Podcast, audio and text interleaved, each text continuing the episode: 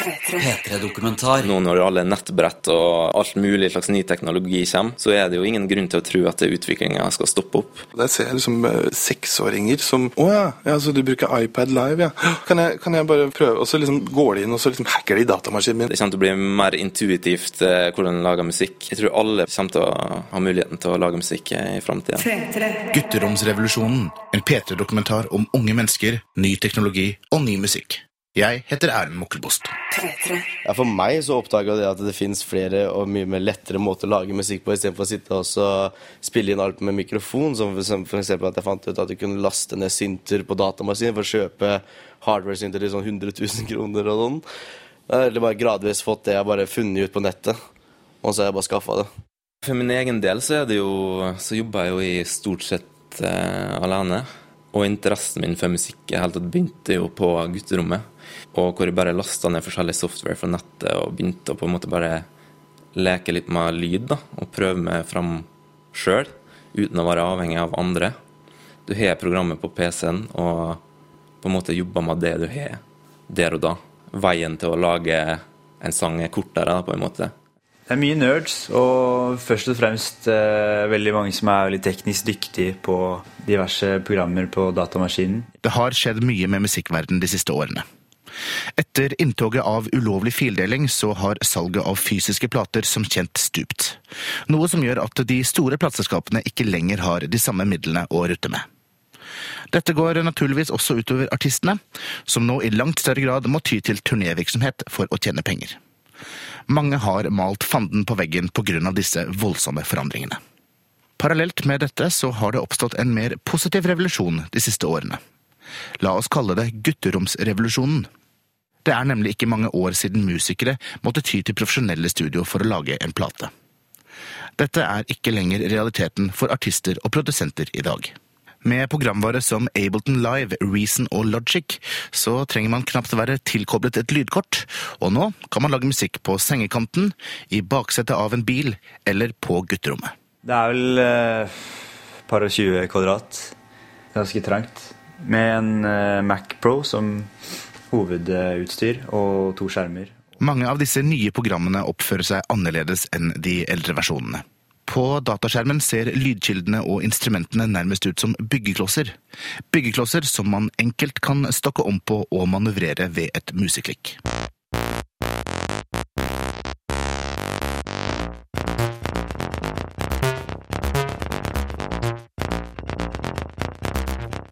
Cause I've learned so much. Cause I've learned so much. Cause I've learned so much. Skulle man ha noen spørsmål om hvordan disse programmene fungerer, så er det lett å finne svar. Lurer du f.eks. på hvordan Skrillex prosesserer sin vokallyd, ja, så ligger det en forklaring på dette på YouTube. Hey, how's it going, everyone? This is Mikey Dwyer. Just uh, wanted to share with you like a quick um, vocal pitch effect thing that you hear a lot in like the Skrillex tunes, and uh, um, check it out. This is uh, kind of just a little example of what I did.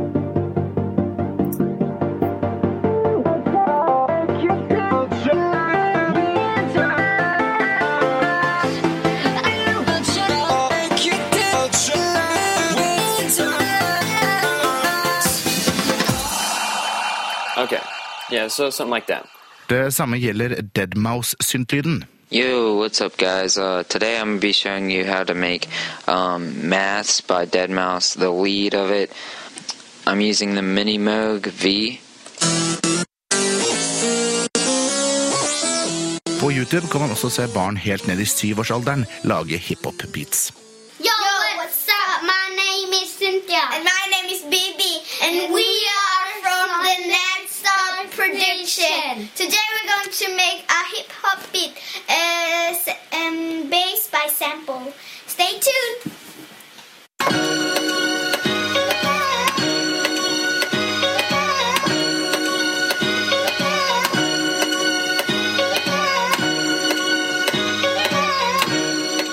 Now is our beat uh, finished. Check out the result.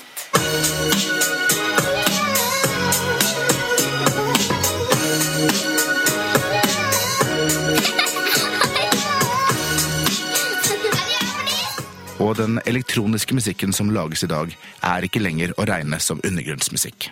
Da Skrillex nylig spilte for to utsolgte Oslo Spektrum, så låt det slik.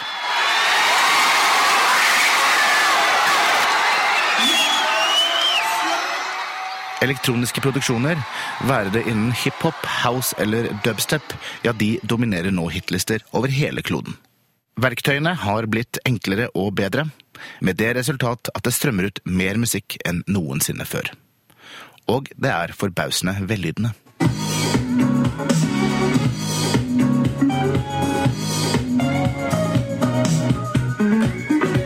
Mathias Stubø er en artist fra Tønsberg som nå bor i Oslo. Stubø fylte nylig 20, men har vært aktiv som musiker og produsent siden han var barn. Jeg møter Mathias i hans studio på Sankthanshaugen i Oslo, og i dette knøttlille rommet sitter han omgitt av pappkopper fulle av sneiper, to platespillere, synthesizere, et elektronisk trommesett og viktigst av alt, en Mac og to skjermer. Dette er alt den blonde, tynne gutten fra Tønsberg trenger for å lage musikk. Mye musikk. Jeg Sitter jo bare i studio og lager musikk stort sett hele tiden hvis jeg ikke er ute og spiller. Så det er det jeg gjør. Det gjør jeg hele dagen og trenger ikke så mye søvn vanligvis. Så jeg jobber hele tiden og, og har vært heldig og vært, hatt veldig mye kreativitet og vært produktiv eh, i en lang lang stund. Så jeg venter egentlig på en sånn down-periode hvor jeg ikke får til å lage så mye. Men den har ikke kommet ennå. Det har blitt, eh, det har blitt, eh, ble to skiver i fjor og blir to skiver i år. Kanskje tre. Jeg begynte mm, med pappa sin gamle Atari-maskin da jeg var åtte-ni år. Han hadde en sånn gammel Atari ST med disketter osv. som eh, Når man er barn, så lærer man ganske fort. da Så det var liksom ikke noe problem for meg å sette meg inn i alle modulene. og sånt Det tok ganske kort tid. Så begynte jeg med PC først da jeg var 12. 11-12. Ja, jeg begynte å jobbe med Reason. Jeg begynte med PC. Da var jeg vel Jeg tror jeg var 10 eller 11. Men holdt på med Reason frem til jeg var 14-15. Og så kjøpte jeg Logic. Utgangspunktet er eh, ofte et sample, eh, og oftest da eh, et sample av en av mine egne ting som jeg har gjort tidligere. Kanskje jeg bare har, har spilt inn en akkordrekke, eller um, at jeg har en slags jam da, som jeg kan legge inn i en sample og klippe i og snu vende på. Sånn blir ofte fundamentet i låtene mine til, og så legger jeg på alt det andre etter hvert. Jeg har jo alltid vokst opp med så mye sprø jazz og progrock og fusion, så jeg har liksom vært, vært veldig vant til å sitte og høre på vinylskiver osv. Jeg tror ikke det gjør noe at man ikke helt vet hva man f.eks. sampler, så lenge man kan skape noe nytt ut av, av det man eh, tar, eh, tar fra. da. Sample låter som følger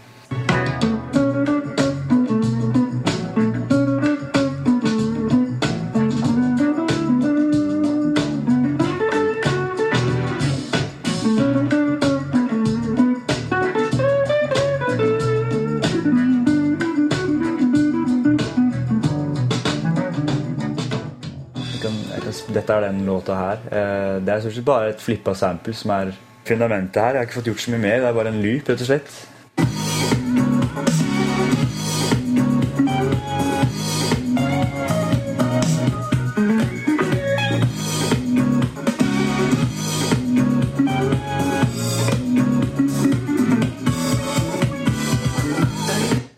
20 år gamle Stubø bruker en del samples fra gamle vinylplater, som han deretter fòrer inn i maskinen og jobber videre med i programmet Logic. I tillegg gjør han lengre opptak der han jammer med seg selv. Spilte inn trommer eh, på det settet der.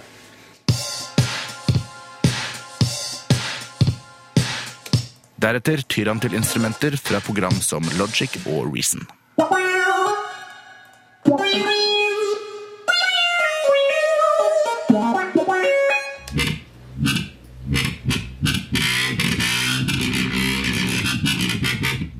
Et kollektiv like utenfor Fredrikstad sentrum finner man Dennis Johansson, en 22-åring som begynte å lage musikk da han var 15. Dennis utgjør den ene halvdelen av elektro-dubstep-duoen Antichrist, som etter hvert har fått mange tilhengere både i og utenfor Norge.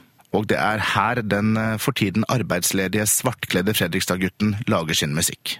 Til alle døgnets tider, kan han fortelle utenfor sitt forblåste hjem.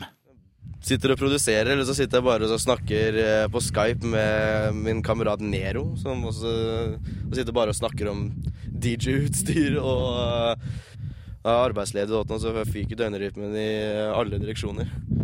Så er det, jeg sitter oppe i natta Jeg tror romkameraten min hater å høre bass ved rommet mitt hele natta, men sånn må det bare være.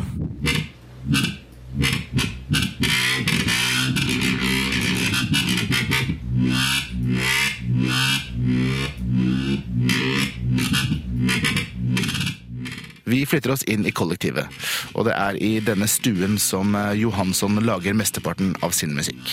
Jeg har jo sånn, der, sånn hylebass.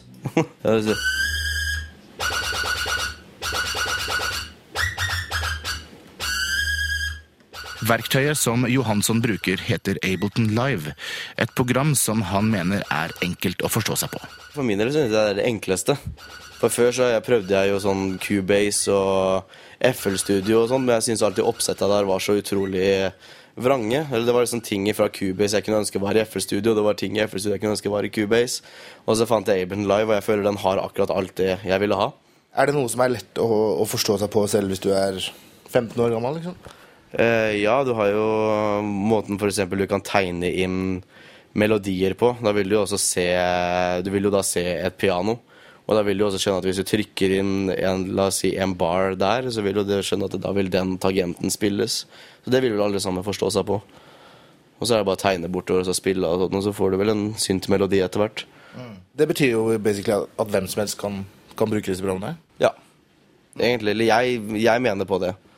Så det vil jo ta tid. Det er jo ikke sånn at du kan laste ned programmet eller kjøpe programmet, og bare Og så har du en eh, banger på dagen, liksom. Det, det vil jeg ikke tro, for at de første låtene jeg lagde i programmet, låt jo helt forferdelig. Det var jo ikke noe eh, bra i det hele tatt. Men sånn over tid og så kan hvem som helst lage en sinnssykt fet låt.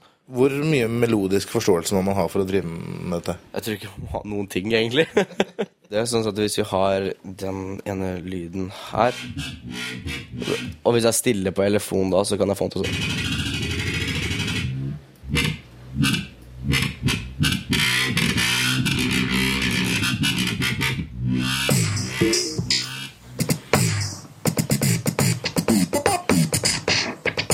Så en pitch-funksjon på den samtidig, da. Peter Baden er en trommeslager og komponist som har undervist mye ved NIS, Nordisk institutt for scene og studio. Baden har spesialisert seg på nettopp Ableton Live, et eh, program som er vel så mye et verktøy for livespilling som et innspillingsprogram. Den blide, svarthårede og skjeggete 33-åringen Baden forteller fra sitt roterom-studio på Grünerløkka lufthavn i Oslo om alle modulene som han omringer seg med. Som alle trigges av programmet Ableton Live. Han spiller bl.a. trommer på en plastikkplate med et tjuetalls runde knapper i et mønster, som deretter manipuleres av en iPad koblet til over et trådløst nettverk. Satt opp noen looper med innpå denne Kai-dingsen her. Eh, samtidig som, som det loopet som er en, en hel takt lang, så kan jeg følge en annen musiker ved å tappe tempo med en pedal. Hvis du begynner å spille i 120, liksom, så kan jeg bare hoppe etter deg. Akkurat som en trommis ville bare begynt å spille. Og Det gjør at jeg kan musisere på en annen måte enn Denne løsningen gjør at det er fristilt fra timingen. Du har jo undervist annet litt i uh, programmer som Ableton. Hvor unge er folk som catcher disse tingene her? Jeg er latterlig unge. De vokser jo opp med, med teknologi på en helt annen måte enn det, enn det du og jeg gjorde. Eh, Jeg begynte liksom å DJ med to kassettspillere. Og jeg tok opp på den ene kassettspilleren og spilte over på den andre. Og så hadde jeg to hadde jeg liksom, Da kan jeg spille inn en gang til. Og, og kvaliteten ble dårligere og dårligere. Men nå voksne, vokser, vokser barn opp med, med Wii-kontroller og iPad under armen og, og, og tilgjengelig teknologi. Som, eh, som de bruker til det fulle, og det syns jeg er kjempefint. Jeg har lagd en forestilling som heter 'Rytmer for verdensrommet', og der ser jeg liksom eh, seksåringer som, som, som liksom Å ja, ja, så du bruker iPad Live, ja. Jeg bruker det andre programmet. Hvilken app bruker du, da? Ja, liksom, ja, kan, jeg, kan jeg bare prøve? Og så liksom går de inn og så liksom hacker de datamaskinen min og bruker altså, bare, Hæ, kan du det her? Dette har jeg brukt ti år på å liksom eh, lage hæ? Altså, altså, skjønner du? I Trondheim møter jeg Marius Mevold, en 27 år gammel produsent som lager musikk under aliasene Slick Shoota og Mindflow. Felles for begge aliasene er basstung, elektronisk og dansbar musikk. Foran han står en bråkete bærbar PC, to høyttalere og en skjerm. Jeg er jo den skolen som eh, ikke kan lese en note og ikke kan spille på keyboard i hele tatt. Eh, jeg har egentlig kun bare et øre for hva som høres bra ut. Og derfor bruker jeg da mye samples som jeg på en måte jobber med for å gjøre til mine egne. da. Eh, Chopper det opp og, og, og pitcher opp og ned og ja, you name it. Bare gjøre ei greie ut av det som på en måte gjør det for min egen sound, og, og lager min egen låt ut av det. Da har jeg på en måte grunnlaget som, eh, som gir punch da, på et stort eh, PA-anlegg. Eh, Et triks jeg ofte bruker, er å legge en eller annen, annen slags synt oppå den igjen, for å få ja, mer karakter i låta, rett og slett.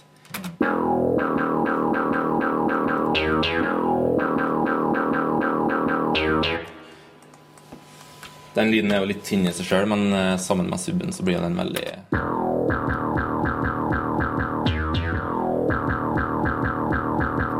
Jeg har jo ikke hele samplet etter, da, men eh, kanskje vi hører litt gangen inn i det.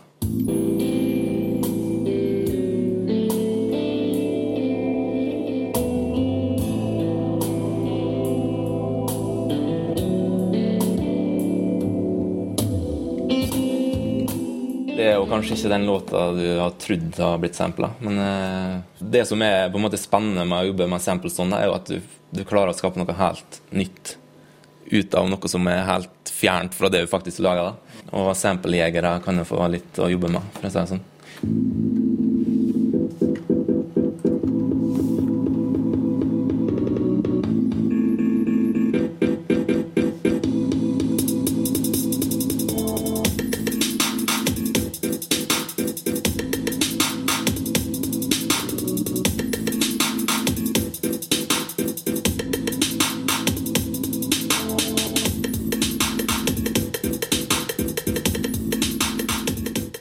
Med dagens kjappe internettforbindelse så er det ingen sak å laste opp egne filer til servere, noe som da gjør det enkelt å samarbeide med andre musikere og produsenter.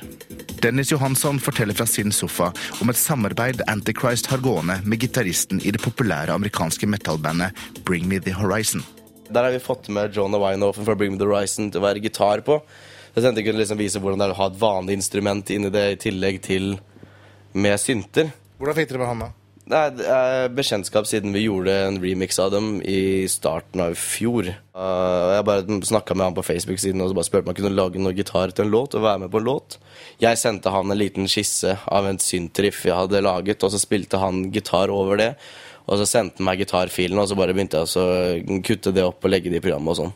Det er mye lettere, for du, kan, du trenger liksom aldri møtes.